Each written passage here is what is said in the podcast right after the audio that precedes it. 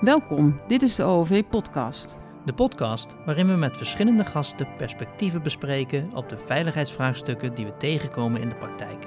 Ik ben Deborah Lente. En ik ben Remco Heijnen. Met onze gasten verkennen we opvattingen, ervaringen en opgedane inzichten rondom openbare orde en veiligheid. Wat kunnen we daarvan leren en hoe vergroten we vanuit die optiek onze impact?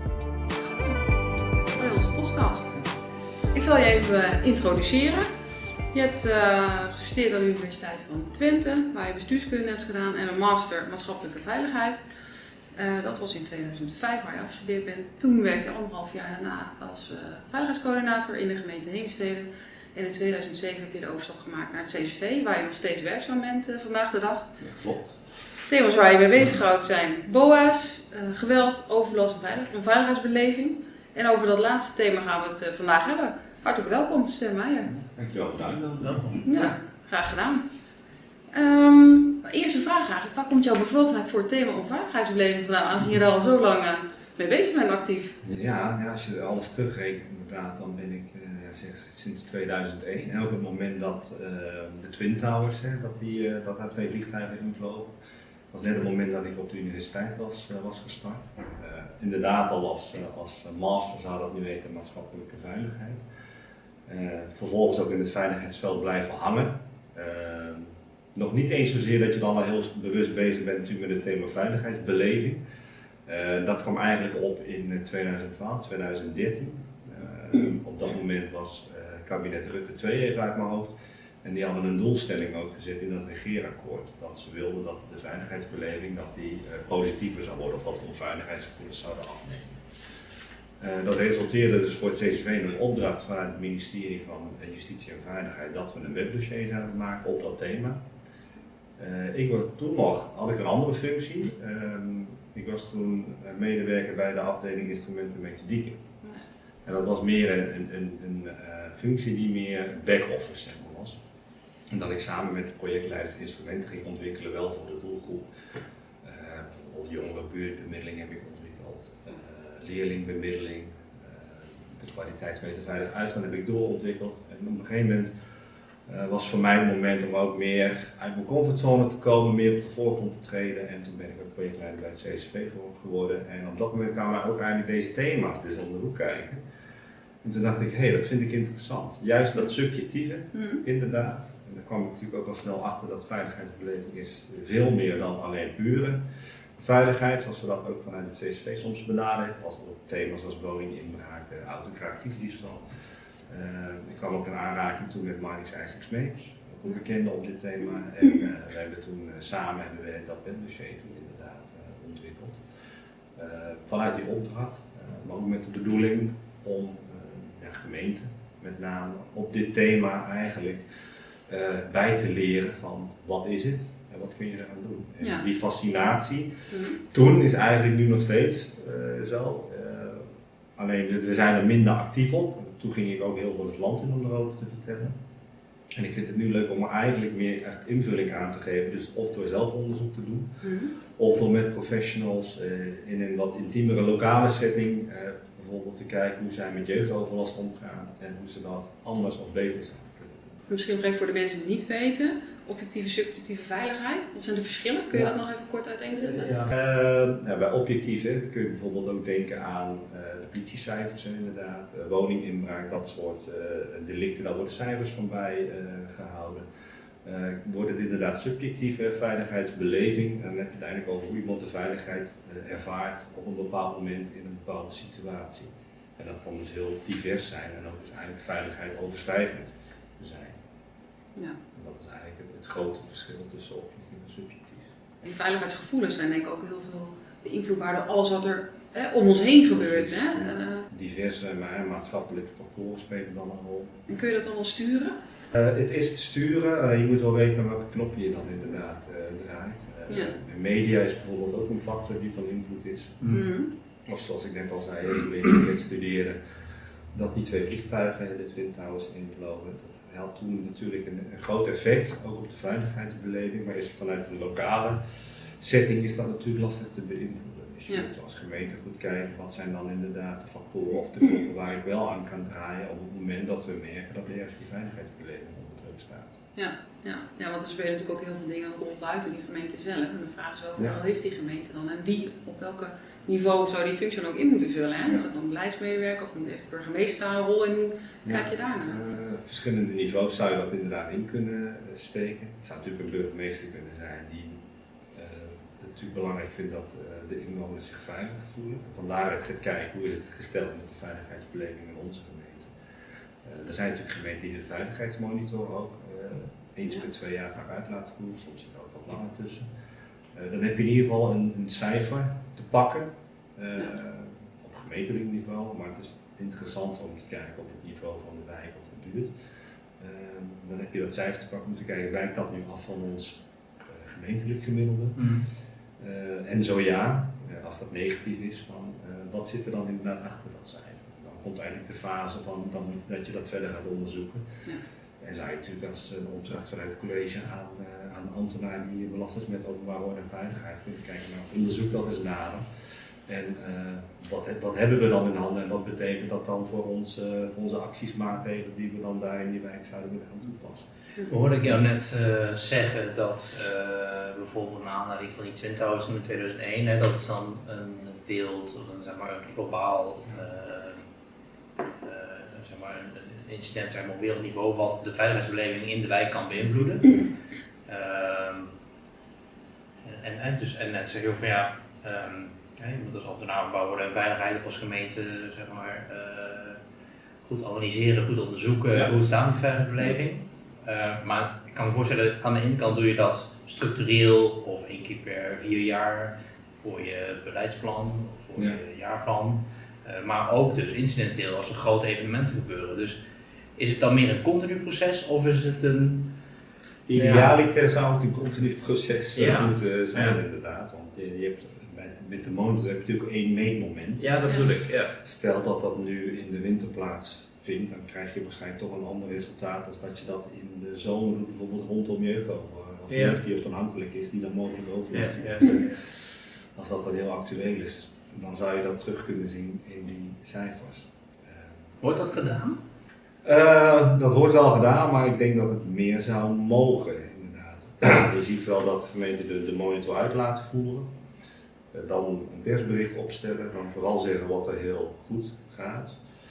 Eh, dan zullen ze in het beleid ook nog wel eens wat dingen daaraan relateren. maar de vraag is, doen ze ook dat verdiepende onderzoek?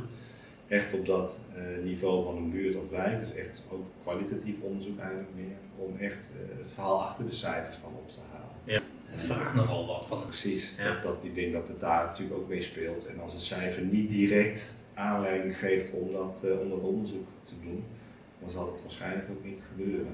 Nee. Dan, dan moet er wel iets meer aan de hand zijn. Of je hebt al eerder signalen, bijvoorbeeld ook van de wijkagent eh, of van andere professionals echt in die Ja. uitvoering. Je denkt van hey, hier is wat aan de hand. Dit vraagt om een, eh, om, een- om, een, om een verdieping. Ja. Ja, Ja, nee, waarschijnlijk is dan het feit, de feitelijke criminaliteit is dan leidend in je reactie om eh nader onderzoek te doen. Of een afwijking in de pas van hè, onveiligheid die steeds verder daalt, Ja. terwijl je de feitelijke veiligheid ziet Dat zie je, dat is die gap hè, inderdaad Ja. tussen dat objectieve en het subjectieve. Dat de gemeente, ja, objectief gaan we lekker, hè. we hebben minder criminaliteit, eh, Ja. dat zien we in die cijfers. Eh, alleen dat subjectieve, blijkbaar ervaren onze bewoners dat niet. Hoe kan dat? Ja. Ja, dat is een interessante onderzoeksvraag dan Ja. juist. Om dat er inderdaad in kaart te brengen. Ja. Juist ook soms omdat we, ja, we hebben zoveel ingezet op het, eh, op het tegengaan van woninginbraak. En toch voelen mensen zich daar nog onveilig. Terwijl dat er veel minder wordt ingebroken. Dan is het, eh, heb je volgens mij iets in de handen om uh, nader te onderzoeken. Ja. Ja, dus eigenlijk zeg je, ja, je zou, het zou mooi zijn als je dat standaard doet, maar eigenlijk in die gevallen waar het een verschil oplevert, objectief subjectief, Ja. is het sowieso Ja. wel het onderzoeken Ja. waard. Helemaal rondom zo'n moment als je die veiligheidsmonitor inderdaad eh, doet. Ja. Of dat je inderdaad vanuit eh, signalen doorkrijgt van hey, hier is meer, eh, meer aan de hand. Eh, wat zit daar precies achter? Ja. Ja. Wat zeggen mensen dan als je vraagt op goh, we- u voelt zich onveilig, maar wat voelt u dan? Ja, ja, dat is altijd, het is altijd eh, de vraag is inderdaad eh, niet om meteen te vragen, voelt u zich wel eens onveilig? Dat is de vraag in die Dat is veiligheidsmonitor. abstract, hè? Eh, je kunt het bijvoorbeeld ook anders framen of in iets, iets meer eh, eh, algemeen bevragen. Dat we zeggen, uh, vertelt u nou eens, hoe woont u hier nu in deze wijk? Hmm. En dan krijg je vaak wel een gesprek Mhm. op gang. Mhm. En dan krijg je misschien ook niet meteen te horen dat mensen zich onveilig voelen. Maar zeg ze, ja, de buurman hier is toch wel uitruchtig. En die jongeren hiervoor die blijven me net zo lang op straat eh, hangen. Ja, nou, daar verderop en daar zit een oud eh, meneertje. Volgens mij is die best wel eenzaam. Dus op die manier krijg je gewoon een, gesprek. En, hè, en dan krijg je juist al die factoren eigenlijk hè, eh, boven tafel die er mogelijk in zo'n wijk spelen. Die negatief zouden kunnen bijdragen aan die veiligheidsbeleving. Wat zeggen mensen dan als je vraagt goh, we- u voelt zich onveilig, maar wat voelt u dan? Ja, dat is altijd, het is altijd eh, de vraag is inderdaad eh, niet om meteen te vragen, voelt u zich wel eens onveilig? Dat is de vraag in die Dat is veiligheidsmonitor. abstract, hè? Eh, je kunt het bijvoorbeeld ook anders framen of in iets, iets meer eh, eh, algemeen bevragen. Dat zeggen, vertel u nou eens, hoe woont u hier nu in deze wijk? Mm. En dan krijg je vaak wel een gesprek Op gang. Mhm. En dan krijg je misschien ook niet meteen te horen dat mensen zich onveilig voelen. Maar zeg ze, ja, de buurman hier is toch wel uitruchtig. En die jongeren hiervoor die blijven me net zo lang op straat eh, hangen. Ja, nou, daar verderop eh, daar zit een oud meneertje. Volgens mij is die best wel eenzaam.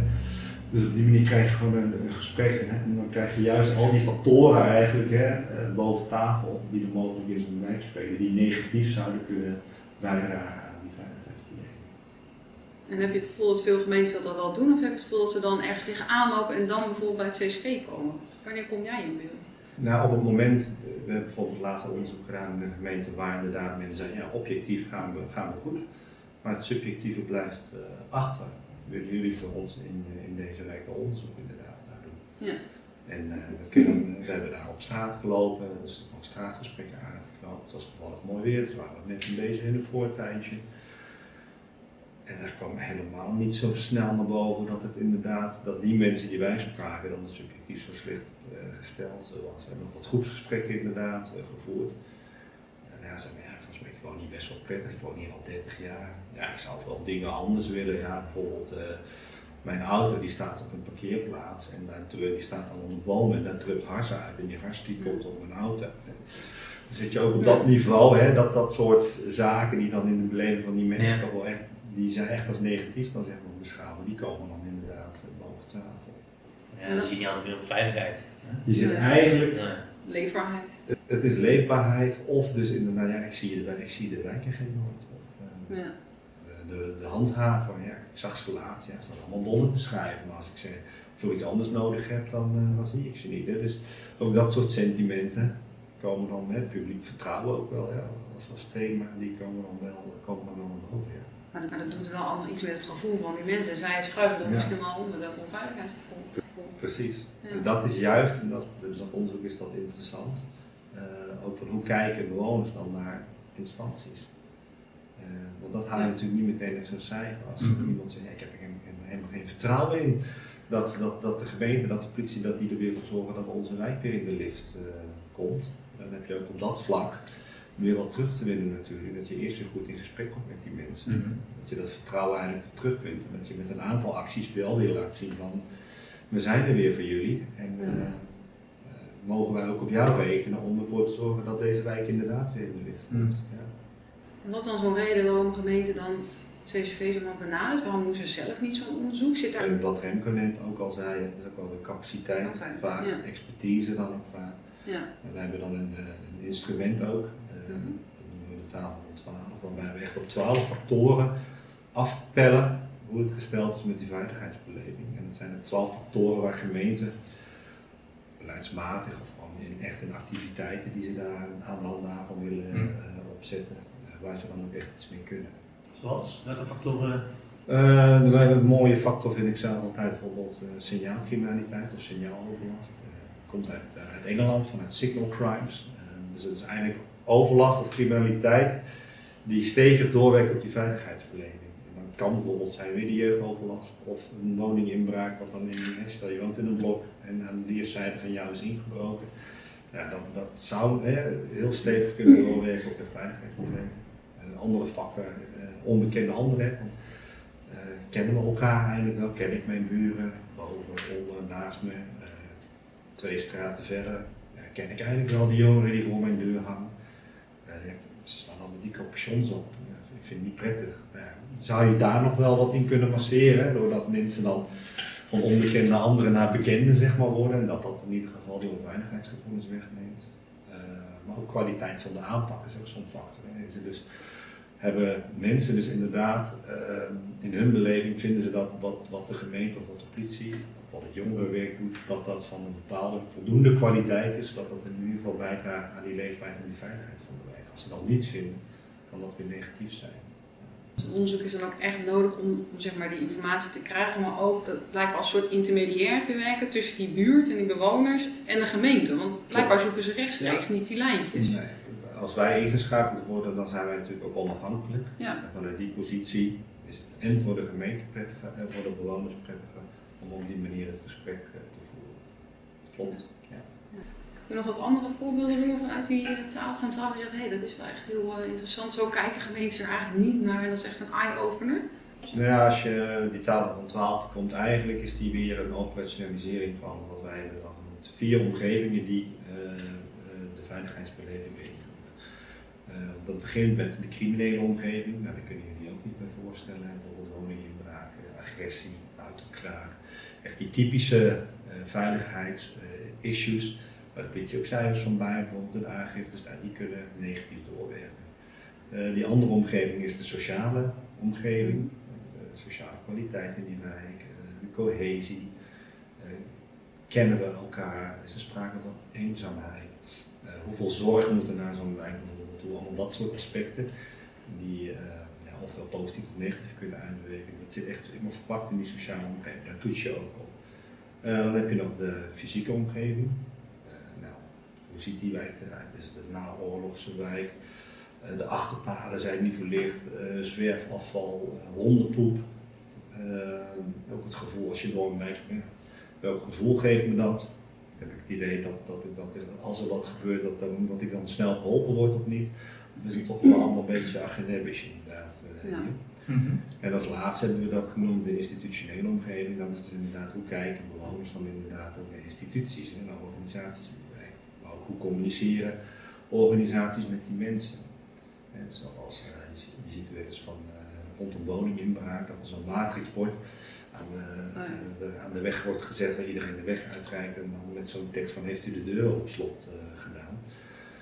Of wist u dat er hier met name overdag wordt ingebroken? Ja, dat soort teksten kunnen natuurlijk negatief uitwerken. Als je hem vanuit gedragsbeïnvloeding kijkt, zou je juist het positieve gedrag moeten benoemen. Mm. Inderdaad, wat mensen dan wel zouden moeten doen. Uh, uh, maar dat gebeurt niet altijd. Dus hoe feitelijk wil je dan communiceren? En wakker je daarmee niet onbewust ook dus uh, onveiligheidsgevoelens aan. En vanuit die vier omgevingen zijn weer die twaalf factoren eigenlijk geoperationaliseerd om nog wat meer in te kunnen mm. zoomen. En dat is altijd ons kader waarlangs we in buurten, maar we hebben hem ook wel binnen een organisatie op die manier uitgevoerd maatschappelijke opvang was dan. Uh, hij is wat universeler toepasbaar, zeg maar, om in ieder geval wel te checken mm -hmm. op, uh, op, hoe het gesteld is met ja. de veiligheidsbeleving. Ja. Maar zie je nou dan uh, de analyse van het veiligheidsgevoel of de veiligheidsbeleving een route om aan die knoppen te gaan draaien? zie je dan subjectieve veiligheid als een signaal om ergens in de wat meer tastbare werkelijkheid om daar iets aan te gaan doen? Ja, de, vraag is inderdaad, wat levert het dan inderdaad op? Hoe concreet is dat? Wie zeggen het allemaal? Waarom moeten we wat aan ja. die veiligheidsgevoelens doen? Ja, nou ja, dat is ook wat je, de ambitie die je daarop uh, hebt. Als je um, gemeente maken in het gaveiligheidsplan eens per vier jaar, dat zie je wel eens in het voorwoord, is dan geschreven door de burgemeester. Die zegt van, ja, natuurlijk, ook sportvrije houden van uh, we willen veilige wijken, we willen dat iedere inwoner zich hier veilig voelt. En dan kijk je verder in het plan, dan zie je eigenlijk helemaal geen concrete uitwerking van hoe ze dat dan willen doen. Of ze zeggen, ja, we doen wat aan woninginbraak, dus we doen wat aan veiligheidsbeleving. We, doen, we hebben WhatsApp groepen, dus we doen wat aan veiligheidsbeleving. Dus er worden heel vaak al aannames dan gemaakt. Uh, dat dat dan positief is. Daar een relatie tussen dat daar een relatie is. Maar ja. dat heeft wel te maken met dat het uh, abstract, moeilijk, niet tastbaar is, Ja. ehm, niet te weinig concreet, eigenlijk dan om ermee af wat actiever aan de slag te gaan. Mhm. Die analysefase is eigenlijk dan, dat het moet te alle, te alle tijden je vertrekpunt zijn. Mhm. Om te kijken van en wat willen we dan eh, met deze buurt of deze wijk. Ik heb wel eens het idee hè, dat, dat, dat, dat eh, eh, nou ja, tenzij je heel doelgericht en heel campagnematig aan de slag gaat, dat de feitelijke criminaliteit moeilijk beïnvloedbaar, moeilijk beïnvloedbaar is. Maar misschien dat de relatie met je inwoner, dat dat veel makkelijker te verbeteren is. Ik Ja. nou, ik generaliseer wel, maar, hè, maar de- bijna, ik zou een stelling willen neer willen leggen. Eigenlijk we moeten als gemeente ons meer concentreren op de veiligheidsbeleving dan op de feitelijke criminaliteit. Het is denk ik altijd en-en inderdaad, maar je, je ziet nu dat ze met name meer op die feitelijke criminaliteit zitten. En we hebben natuurlijk, eh, nu zijn net weer de politiecijfers bekend en waar we voorheen eigenlijk altijd eh, grosso een daling zagen in de criminaliteitscijfers, eh, zie je nu eindelijk door die crime change, hè, als dat dan zo mooi wordt genoemd. Dus andere typen van criminaliteit Ja. die dus nu de kop opsteken. Ondermijning en cyber. hè. Precies, dat daar weer een stijging Ja. te zien is. En blijven we daar wel op inzetten. Hè. Woninginbraak is ook jaren op ingezet. Vanuit CSV hebben we ook, eh, beheren we ook de politiecummer veilig wonen. Ja, daar zie je na verloop van tijd wel echt dat dat daalt. En dat dat dus die objectieve veiligheid, dat dat positiever is. Maar dat, die component van subjectieve veiligheid hoort daar wel bij inderdaad. Eh, Ja. en dan is het de vraag, ehm, als we zo stevig inzetten op die objectieve veiligheid, wat doet dat met die subjectieve veiligheid? Hebben we daarvoor al wel eh, goed genoeg over nagedacht om dat in die slipstream mee te nemen? Of hakken we er nu zo op in dat we wel die cijfers zien dalen, Mhm. maar dat iedereen zich angstig voelt, waardoor we weer die gap hebben? hè? Ja, dat loopt niet automatisch in de pas. Nee, Nee. Dat zou kunnen gebeuren. Dus idealiter is het niet of, maar is het eigenlijk en, om te kijken of je op beide eh, ja, een resultaat behalen. En dan is het bij die subjectieve veiligheid weer lastig, want dit, want het is niet alleen die woning in Braak. Nee, nee. Misschien zit het met name meer vanuit die sociale component. Ja. Eh, en zul je eerst daarop moeten investeren. Wil je aan iets anders toekomen, bijvoorbeeld burgerparticipatie. eh, hebben we ook nog wel eens de mond van vol, wat het heel belangrijk is. Natuurlijk is dat heel belangrijk, Ja. maar als je Ja. wijk hebt waar mensen in een standje eh, overleven zitten en je gaat ook nog eens vragen of ze willen participeren, en dan denk ik dat je eerst wat anders hebt te doen voordat je daar überhaupt inderdaad eh, aan die vraag toe komt. Dus, eh, je moet echt gaan inzoomen eigenlijk. Hè. Dan zeg ik ook altijd, je hebt de gemeente, dat, hè, daar, daar weet je wel gemiddeld dus hoe de veiligheidsbeleving is. Dat zie je vaak ook in die persberichten hè, in, eh, in, in onze gemeente. Eh, voelt 1 op de 5 zich wel eens onveilig. Maar goed, als het op die ene wijk is het 5% en die andere wijk is het zeg 40%, dan is die 40% wijk is dan wel interessant. Om dus daar binnen goed in te zoomen. En dan heb je soms nog wijken met 400 huishoudens. Eigenlijk nog steeds een te, een te grote eh, Mhm. schaal. Mhm. Daarbinnen moet je eigenlijk weer gaan kijken. eh, over welke gebieden hebben we het dan? En dan zijn dat dan de gebieden die we eh, zeg maar kadastraal of gemeentelijk bepaald hebben. Of zijn het de grenzen die de bewoners zelf aangeven? Mhm. Eigenlijk zou dat het niveau moeten zijn. Dat je meer dus bottom-up eigenlijk gaat kijken. Oké, dit, dit gebiedje daar weten we vanuit wel redelijk cijfer maken dat er wat aan de hand is. Laten we daar nu eens kijken wat mensen dan inderdaad eh, daarvoor aangeven. En daar dus ook een verdiepingsslag maken en dan ook misschien wel meer meten in Ja. zo'n kleiner gebied. Zodat je ook kan zien wat de effecten zijn Ja. van wat je daadwerkelijk Ja, doet. uit- uiteraard ook aangevuld met, eh, met professionals die daar echt in die uitvoering ook bezig eh, zijn. Dus dat meer, echt die, meer die kwalitatieve de, de gegevens, dat je die dan inderdaad ja, dat je die boven tafel krijgt. Ja. Alleen hoe meer je inzoomt, eh, Ja. hoe, hè, als je het wel over capaciteit, eh, ja dat vraagt inderdaad Ja, wel ja, wat. ja. Waardoor het ook nu inderdaad eh, vaak niet gebeurt. Want is het dan puur een onderzoek stellen jullie vanuit CSV ook eisen? Dat kan ik me ook zo voorstellen. Dat je zegt van we willen best wel begeleiden in dit onderzoek. Ja. Maar we zouden het ook opletten voor ons met het onderzoek ook echt aan de slag gaan. Dus dan moet je ook wel slagkracht, capaciteit, budget misschien wel hebben om ook echt iets te gaan doen. Of houdt het echt op? Dan houdt het wel op bij het onderzoek. Oké. eh, liever zou je natuurlijk langer aangehaakt Ja. inderdaad eh, zijn. Eh, maar het heeft soms ook weer te maken met dat je niet puur alleen om die wijkjes vindt, maar je, je zegt ook iets over organisaties. En ja, dan loop je natuurlijk een ander traject uit, als dat je puur je wel op zo'n wijk inderdaad inhoudelijk zou kunnen Ja. focussen. En dat andere vraagt soms eh, ja, een andere route, Mm. wat, wat, soms een wat langzamere route dan ook, om daar echt, eh, echt in, eh, ja, positief in ieder geval in, in, in, in, eh, bij te kunnen.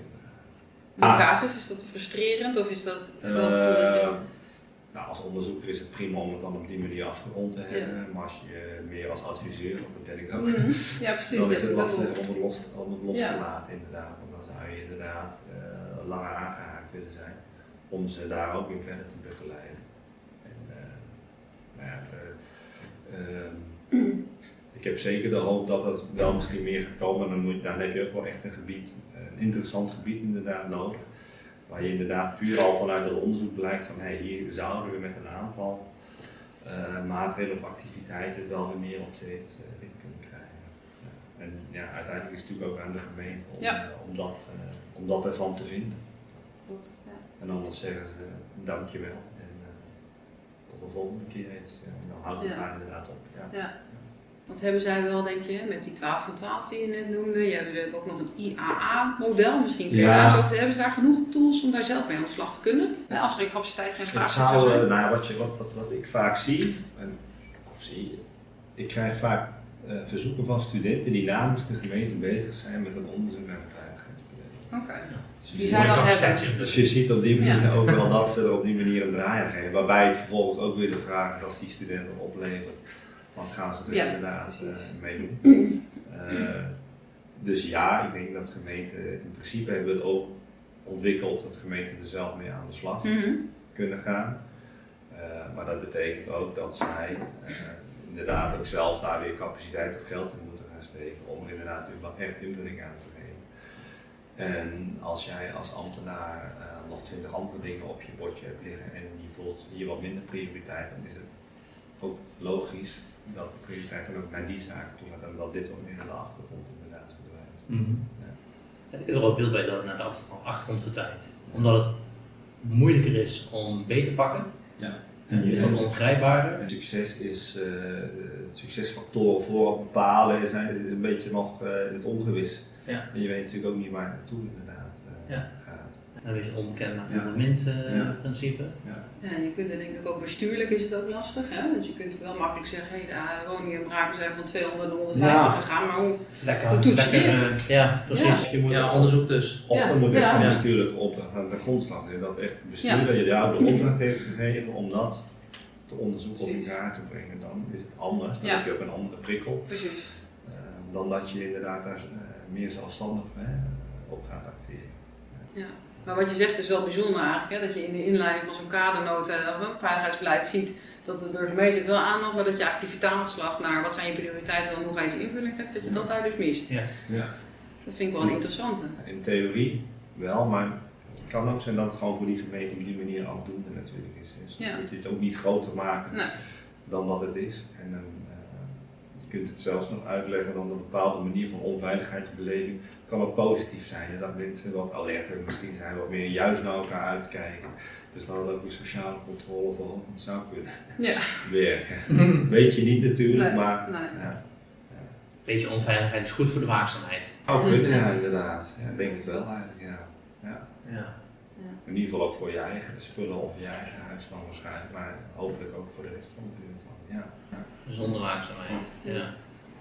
En dat IA-model, is, is dat nog iets waar je iets even kort over Oh ja. kan, eh, Ja. toelichten ons? Het uh, is het informatie-analyse-actiemodel. Dat hebben we ook in, in, Ja. in die periode 2012-2013 is dat ontwikkeld met een aantal pilots. Uh, het is eigenlijk een, een PDCA, Ja, een cirkel, uh, waarbij je inderdaad uh, het unieke, het het bijzondere in het IAA-model is, dat je uh, echt focust op het realiseren van een gezamenlijke probleemdefinitie. Daar zit met name de energie die je erin moet stoppen. Uh, stel, je hebt een, een hangplek, af en toe liggen daar wietzakjes, daar staan jongeren af en toe, daaromheen staan nog appartementen, er is geluidsoverlast. De gemeente die zegt, nou ja, we legen daar eh, twee keer per week de prullenbakken. Voldoet volgens onze norm. Dus wat ons betreft is er op dat vlak geen probleem. Het was ja, net als jullie weer weg zijn, een dag later ligt het er weer. Ik vind het verschrikkelijk. Die wijkagent eh, die zegt ook, ja, als ik mijn rondes loop, dan zie ik ze eigenlijk nooit. Oh, zeggen die brood, ja, want ze zijn er altijd als jij er. Kun je er iets bij voorstellen? Op een gegeven moment wordt het soort wel eens niet eens eh, discussie. En eigenlijk in dat IAA-model pel je met elkaar af zo'n situatie. Eh, zien we dat of zien we het niet? Hè? Er zijn ook misschien mensen die daaromheen wonen en die zeggen, nou ja, ik eh, werk overdag, ik zie die jongens dus nooit overdag en ik heb er geen last van. Maar goed, de mensen die, die, uh, die dat wel waarnemen, die geven er ook een oordeel over. dat kan positief zijn, nou, leuk dat die jongens er staan, leuk voor hun vermaak kan neutraal zijn of kan negatief uh, zijn. Vervolgens is de vraag van als mensen het ook echt als negatief uh, ervaren, wat doet dat met hun gedrag, met hun beleving? Gaan ze daar overlast van ervaren? Gaan ze dat melden? Gaan ze in gesprek met die wijkagent? Uh, gaan ze zelf op die jongeren afstappen? En dit doe je allemaal met elkaar? Dus bewoners aan tafel met gemeente ja, en breng je in die fase, in die ehm, eigenlijk meer in die analyse of informatie en analyse. Mm -hmm. breng je dit soort gegevens breng je in kaart. Al die beoordelingskaders, zeg maar. Bij de mensen ga je allemaal los bevragen of zit het gewoon echt gezamenlijke tafel om een gezamenlijk beeld te vormen? Ja. Het is soms handig om het eerst even uh, individueel af te pellen mm -hmm. en het daarna bij elkaar te brengen. Um, want je hebt natuurlijk uh, percepties van bewoners, ondernemers eventueel, ja. professionals. Nou kan het zo zijn dat bewoners onderling het niet met elkaar eens zijn. Professionals onderling het niet met elkaar eens zijn, ondernemers niet, maar ook weer ondernemers met bewoners, bewoners met professionals. Dus het wordt een heel uh, spel zeg maar, om te kijken van wat hebben we hier nu uh, in Wat is er nou echt aan de hand? Ja. ja. En, en, vervolgens ga je kijken, oké, okay, jij ervaart dit, dat kun je ook uitleggen aan een ander waarom dat inderdaad zo is. Want je, je ziet natuurlijk dat uh, wijkagent de gemeente die zal zich natuurlijk vanuit zijn functie benoemen van wat hij waarneemt en hoe hij er al wat aan doet. En ik kan zeggen, ja, maar uh, juridisch gezien is hier, kan, kan ik hier niks mee. Maar als het juridisch gezien dat je er niks mee kan, is het voor zo'n bewoner vaak geen uitleg. Nee, dus nee.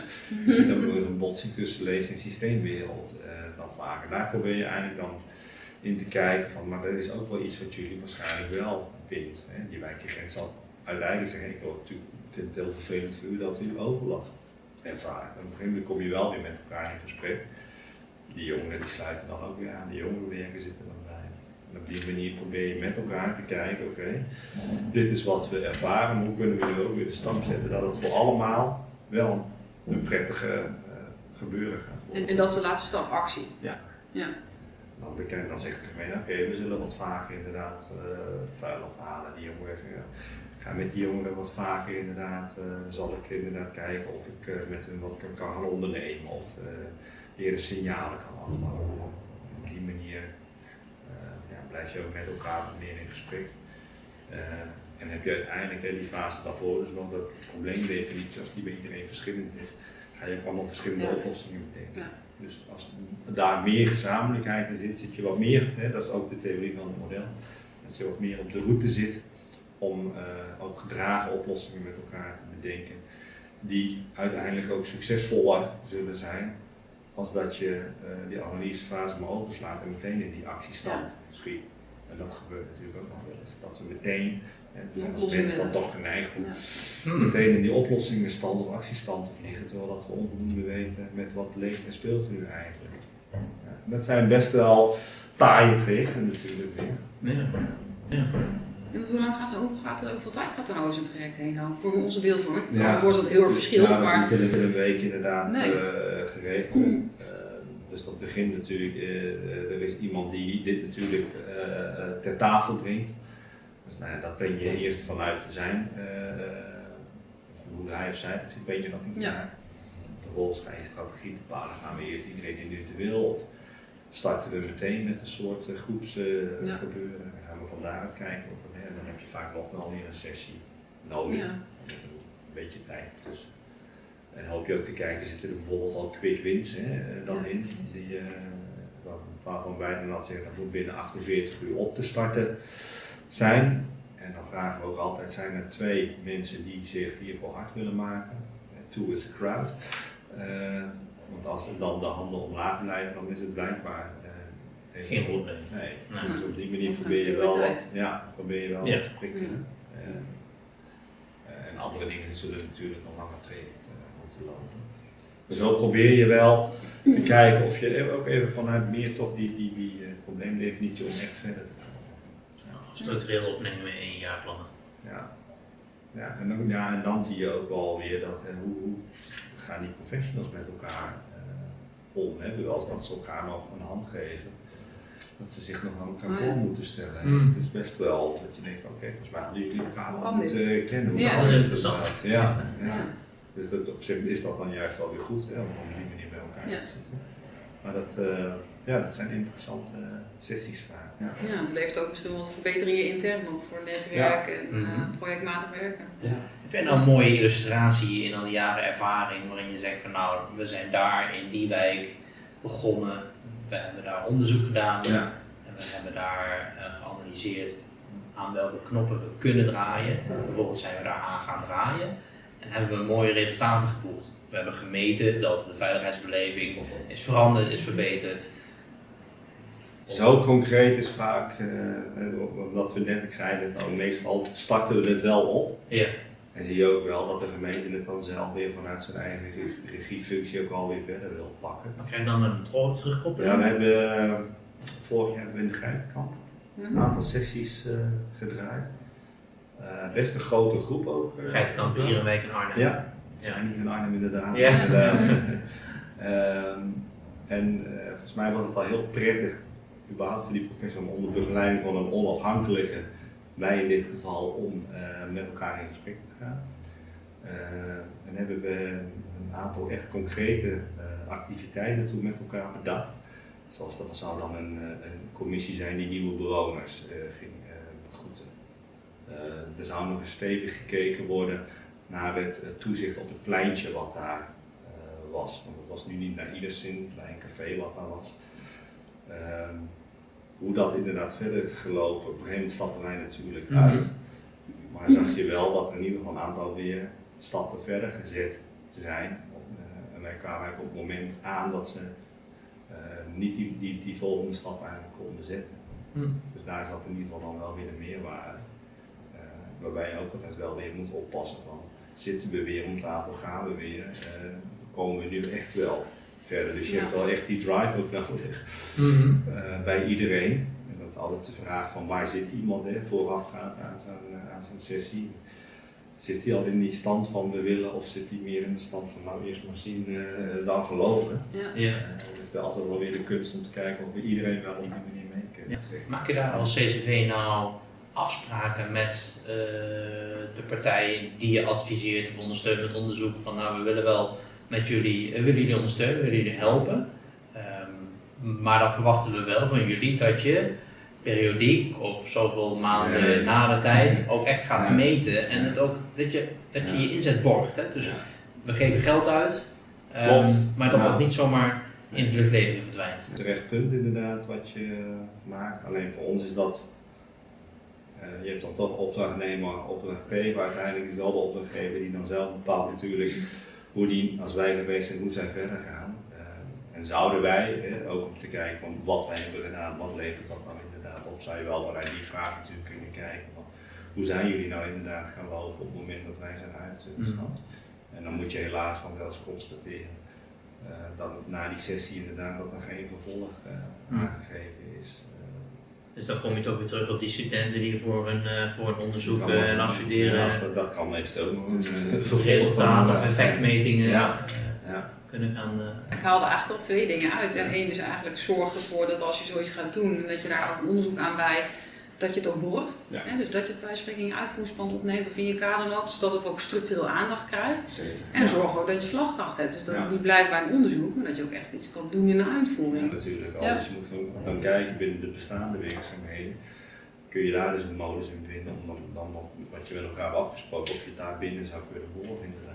En soms is het ook niet per se je inzet, hè? Het is soms Nee. ook van spreken, wanneer leeg je die prullenbak? Doe je dat inderdaad op maandag of wacht je tot donderdag? En Precies. terwijl ze in het weekend daar een beetje staan. Hè? Dat zijn hele simpele dingen, maar waar je wel effect kan bereiken voor die bewoners die er omheen wonen. Ja, klopt. Dus ook een stukje creativiteit vergt het wel. Ja. Ja. En dit jaar gaan we, binnenkort staat in onze CCW Nieuwsbrief, gaan we ook weer een oproep doen dat we ook weer dit soort sessies in ieder geval eh, weer gaan aanbieden. Meestal doen we er zo'n drie per jaar. Om te kijken of in, in een lokaal samenwerkingsverband waar ze vastlopen, Ja. om ze daar weer, eh, weer uit eh, te trekken. En kijken of we de neuzen weer de, dezelfde kant op eh, kunnen krijgen. Mhm. ja, dat is eigenlijk eh, het idee achter het IAA-model, om die neuzen dezelfde kant op zien te krijgen. Ja. Hoe verhoudt zich dat, dat IAA en die tafel van 12? Is het ene samenvatting of een verkorte versie van het andere of sluit het op elkaar Nee, aan? dat, dat IAA, dat schuift, dat kun je ook weer zo in die tafel van 12 inderdaad, precies. eh, schuiven. Ja. En dan wel meer Ja, weer als ja. soort van werkvorm. Om eh, hoe ga je inderdaad, eh, overlast is, is altijd subjectief, eh, maar hoe ga je dat verder aftellen? Precies. Ja. En met elkaar kijken, hoe krijgen we daar weer meer die gezamenlijkheid in wat we dan met z'n allen als probleem zien om aan te pakken. Wat me zo lastig lijkt, hè, van, en dat is een, geen wat algemener eh, probleem denk ik, is als je een probleem hebt binnen een wijk of binnen een gemeente, dan zijn er altijd, zoals je zegt, hè, overlast is subjectief. Er zijn mensen die er wel last van hebben en mensen die er geen last van hebben. Ja. De mensen die er wel last van hebben, daar heb je het gesprek mee.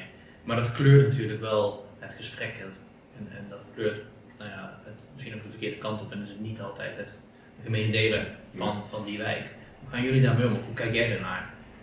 Ja, je hebt natuurlijk altijd, eh, eh, je hebt vaak, hè, dat wordt er wel eens zo mooi gezegd, je hebt dan die dominante eh, minderheid, Ja. je hebt de zwijgzame meerderheid. Dat klinkt inderdaad. En dan is het de vraag, van wat die dominante minderheid zegt, praten die dan namens de hele buurt? Ja. Ja. Of is het vooral de invulling die zij als klein groepje daar zelf aan geven? En wordt dat inderdaad niet gevoeld eh, door die zwijgzame minderheid? Mhm. De vraag is dus ook welk middel zet ik in om mijzelf een goed beeld te vormen van wat er eventueel in die buurt speelt. Mhm. Ga ik inderdaad een bewonersavond organiseren? Dat doe ik stipt om 7 uur en om 9 uur zijn we klaar. Dan kun je soms al uittekenen wie er dan om tafel zitten bij de bewonersavond. Ja. En ook wie je gaat missen. Ja. Jonge ouders ga je waarschijnlijk missen, Ja. want die hebben op dat moment andere dingen. Eh, en dan kom je, hè, dat klinkt weer eh, misschien wat cliché, maar dan heb je inderdaad die 50-plusser die nog in de avond ook wat, wat tijd over heeft. En die dan inderdaad wel naar die avond komt. En als je tijdens die avond dan beelden gaat ophalen, heb je dan hè, eh, de beelden die breder ook leven. Ja. Dus heb je dan wel een objectief beeld van je Ja. subjectieve veiligheid. Hè? Precies, ja. Zo op, dat proberen we wat meer te objectiveren. Want inderdaad, want helemaal krijg je natuurlijk nooit rond. Maar eh, eigenlijk zou je dan, ook- moet je niet ook wat meer voor keukentafelgesprekken hè, gaan voeren. Dus dat je gewoon eens aanbelt. En Dat je zegt, Ja. ik wil zo graag eens met u over uw buurt willen praten. Schikt het nu of zouden we een andere keer? Het is natuurlijk doodeng hè, aanbellen. Kost ook weer veel tijd Ja. natuurlijk. Dan moet je echt in gesprek met je inwoner. Ja, precies. En dat is soms nog een fase te ver dan. Dus dan is die woonavond is dan makkelijker af te vinken, hè, maar even zo zeggen, dan dat je inderdaad eh, verschillende huishoudens ook weer langs gaat om ook eens misschien met die doelgroep in gesprek te Maar komen. dat is ook eng, hè? Want je krijgt gewoon echt alle ellende van de afgelopen tien jaar Dat kan. van die persoon om je heen. Je kan denken, ik kom een half uurtje en als je twee uur later nog zit, dan eh, weet je meestal wel genoeg. Ja. Ja. En dan is het de vraag of je, daar, of je natuurlijk een bepaald filter daar natuurlijk op zet, bijvoorbeeld dat tafel van 12 filter. Kun je dan, als je al die de verhalen daar doorheen had, kun je dan, nou, in dit geval, eh, deze mensen eh, benoemen deze vorm van criminaliteit waar ze met name last hebben. En hier geven ze inderdaad aan dat de sociale cohesie eh, de laatste jaren sterk verminderd is. En dat, eh, dat komt door dit en dit en dit. Je op die manier Ja. je analyse kan kunnen maken. En als je natuurlijk ook meerdere mensen spreekt. En je ziet ook daar weer een, gemene deler ontstaan. Dat zal op een bepaald onderwerp dat vaker aangeven. Ja. Maar ik denk wel dat het, denk dat het, dat het, dat het, dat het goed is. Hè? Ja. Dat, dat al, al, al zou je investeren in eh keukentafelgesprekken of je zou op straat willekeurige mensen Ja. aanspreken, zodat je een wat breder beeld krijgt van, eh, van eh, wat Ja. leeft er hier nou. En dat je jong, oud, allerlei verschillende type mensen aanspreekt. Ja. En ook al ben je misschien met de ene persoon wat meer tijd kwijt dan de ander, ik denk dat het effect wat, je, wat je teweeg brengt een heel positief effect is. Ja. Van, jeetje, wat overkomt mij nou? De gemeente vraagt mij gewoon daadwerkelijk je naar. precies, hoe het het, eh, gesprek hoe het is. voeren kan al positief zijn. Ja, Als je het hebt weer over eh, hoe kijken mensen naar organisaties, dat ze, ze zich gehoord ja. voelen. Dat ze, ze hebben gewoon interesse in mijn wijk. En naast dat dat Ja. effect teweeg brengt, ehm, het is ook een, een mooie houding van je als ambtenaar, want je bent er tenslotte voor die inwoner. En als je dat alleen maar vanuit je bureau zou doen, Ja. Ja, weet je wel, wat levert dat nou daadwerkelijk op? Dan ben je alleen maar met die bureaucratische papierhandel bezig. En het gesprek met die daar gaat het uiteindelijk wel om natuurlijk. Ik denk dat je ook verder kan helpen in andere processen. Hè? Want stel dan dat je dan ineens een maatschappelijke onderzoekssituatie hebt. En je hebt die mensen gesproken en je kunt een beetje goed afwegen. Hey, die is, eh, heeft een goede invloed in die wijk en, en die moeten Ja. eh, misschien maar even niet als eerste benaderen. Dan kun je volgens mij ook daar gewoon echt je voordeel mee doen als overheid. Omdat je gewoon weet wie zijn je stakeholders en die kan je betrekken in zo'n proces. Ja. Waar je anders misschien helemaal geen zicht op hebt. En ook al heb je geen tijd en geen capaciteit, al doe je het maar één keer per jaar met twee of drie personen. Ja, het kan soms heel simpel zijn. Hè? Je, je, eh, je hebt eh, weet het, de, zo'n de buurtent. Dat is ooit bedacht in Tilburg rondom een woninginbraak. Als er dan ergens een, we zagen dat er een hotspot was qua woninginbraak, werd er zo'n tent neergezet. Daar werd inderdaad advies gegeven over hoe dat te voorkomen. Hè? Eh, maar daar stond ook vaak iemand bij die gewoon even een gesprekje Ja. aanging. Ja, dus je komt als thema, ga je inderdaad daar ook wel in gesprek hier. Maar als je daar gewoon gaat staan, en je zet daar een staattafel neer en je praat gewoon met mensen over, over de buurt, dan haal je inderdaad ook die informatie Spreekuren. op. Ja. Zie je ook veel tegenwoordig. Pop-up spreekuren. Ja. Ja. Mhm. Veel. In Ja. Rotterdam inderdaad. ook. Ja. Ja. dat is inderdaad een, eh, een bekende eh, agent inderdaad, die dat veel toepast en nu ook andere wijkagenten aan het opleiden is, wat hij eigenlijk al jaren doet Ja. in, die Rotterdamse wijk. Dus, eh, en dat is, hij noemt dat de Hartman-methode. Een tafel met twee stoelen, die zit je gewoon ergens neer en die vraagt van mensen, eh, mag ik met u inderdaad even in gesprek over, over de buurt waar u woont? Ja. En op die manier zie je mooie dingen ontstaan. Ja. Ja. Dus het kan ook soms heel simpel zijn, maar Ja. dit vraagt even Ja. wat eh, een andere mindset of, eh, ja, zeker. ja, Ja. om dat inderdaad te gaan doen. Ja. Mindset. Ja. Nou, misschien kijkend naar eh, het gesprek, even richting een, een afronding. Ik ben eigenlijk wel benieuwd, heb jij nog een vraag of een, iets wat je aan de luisteraar wil meegeven waar je ons over na kan denken als je dit... Ja, we hebben volgens mij wat we met elkaar wel constateren, hè, ook van eh, doen die veiligheidsmonitor. En ehm hoe ver pak je dat nu echt op, hè, door ook meer die verdieping daarin te zoeken. Hè. Eh, eh, Ga je dan ook echt verder kijken binnen dat eh, gemeentelijk cijfer, wat dat dan betekent voor de verschillende buurten. En is er dan echt een buurt waar je dus ook dat verdiepende onderzoek zou willen doen om meer dat verhaal achter die cijfers op te halen? En daar dus verbetering te creëren. En daar, ja. Dus of, of de luisteraars, of die daarvoor open zouden staan. Ja. En eh, zo nee, waarom ze, eh, je kunt natuurlijk ook een reden aangeven waarom je dat juist niet wil doen. Omdat het misschien, eh, zoals het nu werkt, werkt het ook al. Eh, en is dat inderdaad af en toe. Waarop durf je wel die extra stap te Ja. zetten. Zie je dat dan ook als een uitdaging om juist wel dat verhaal in beeld te brengen. En van daaruit weer je beleid of je, je, je plan van aanpak wat je hebt voor zo'n buurt om op die manier te ontwikkelen, aan te scherpen of, eh, of wat dan ook. Ja. Ja, dat, Ja, mooie uitnodiging. ja. Ja. Ja. Ja. Dank voor deze podcast en jouw inbreng. Dankjewel. Bedankt voor het luisteren. Op oovonline.nl vind je de samenvatting van dit gesprek met verwijzingen naar meer informatie over het onderwerp. Tot slot, met deze podcast in gedachten, Hoe kijk jij naar de beleving van onveiligheid?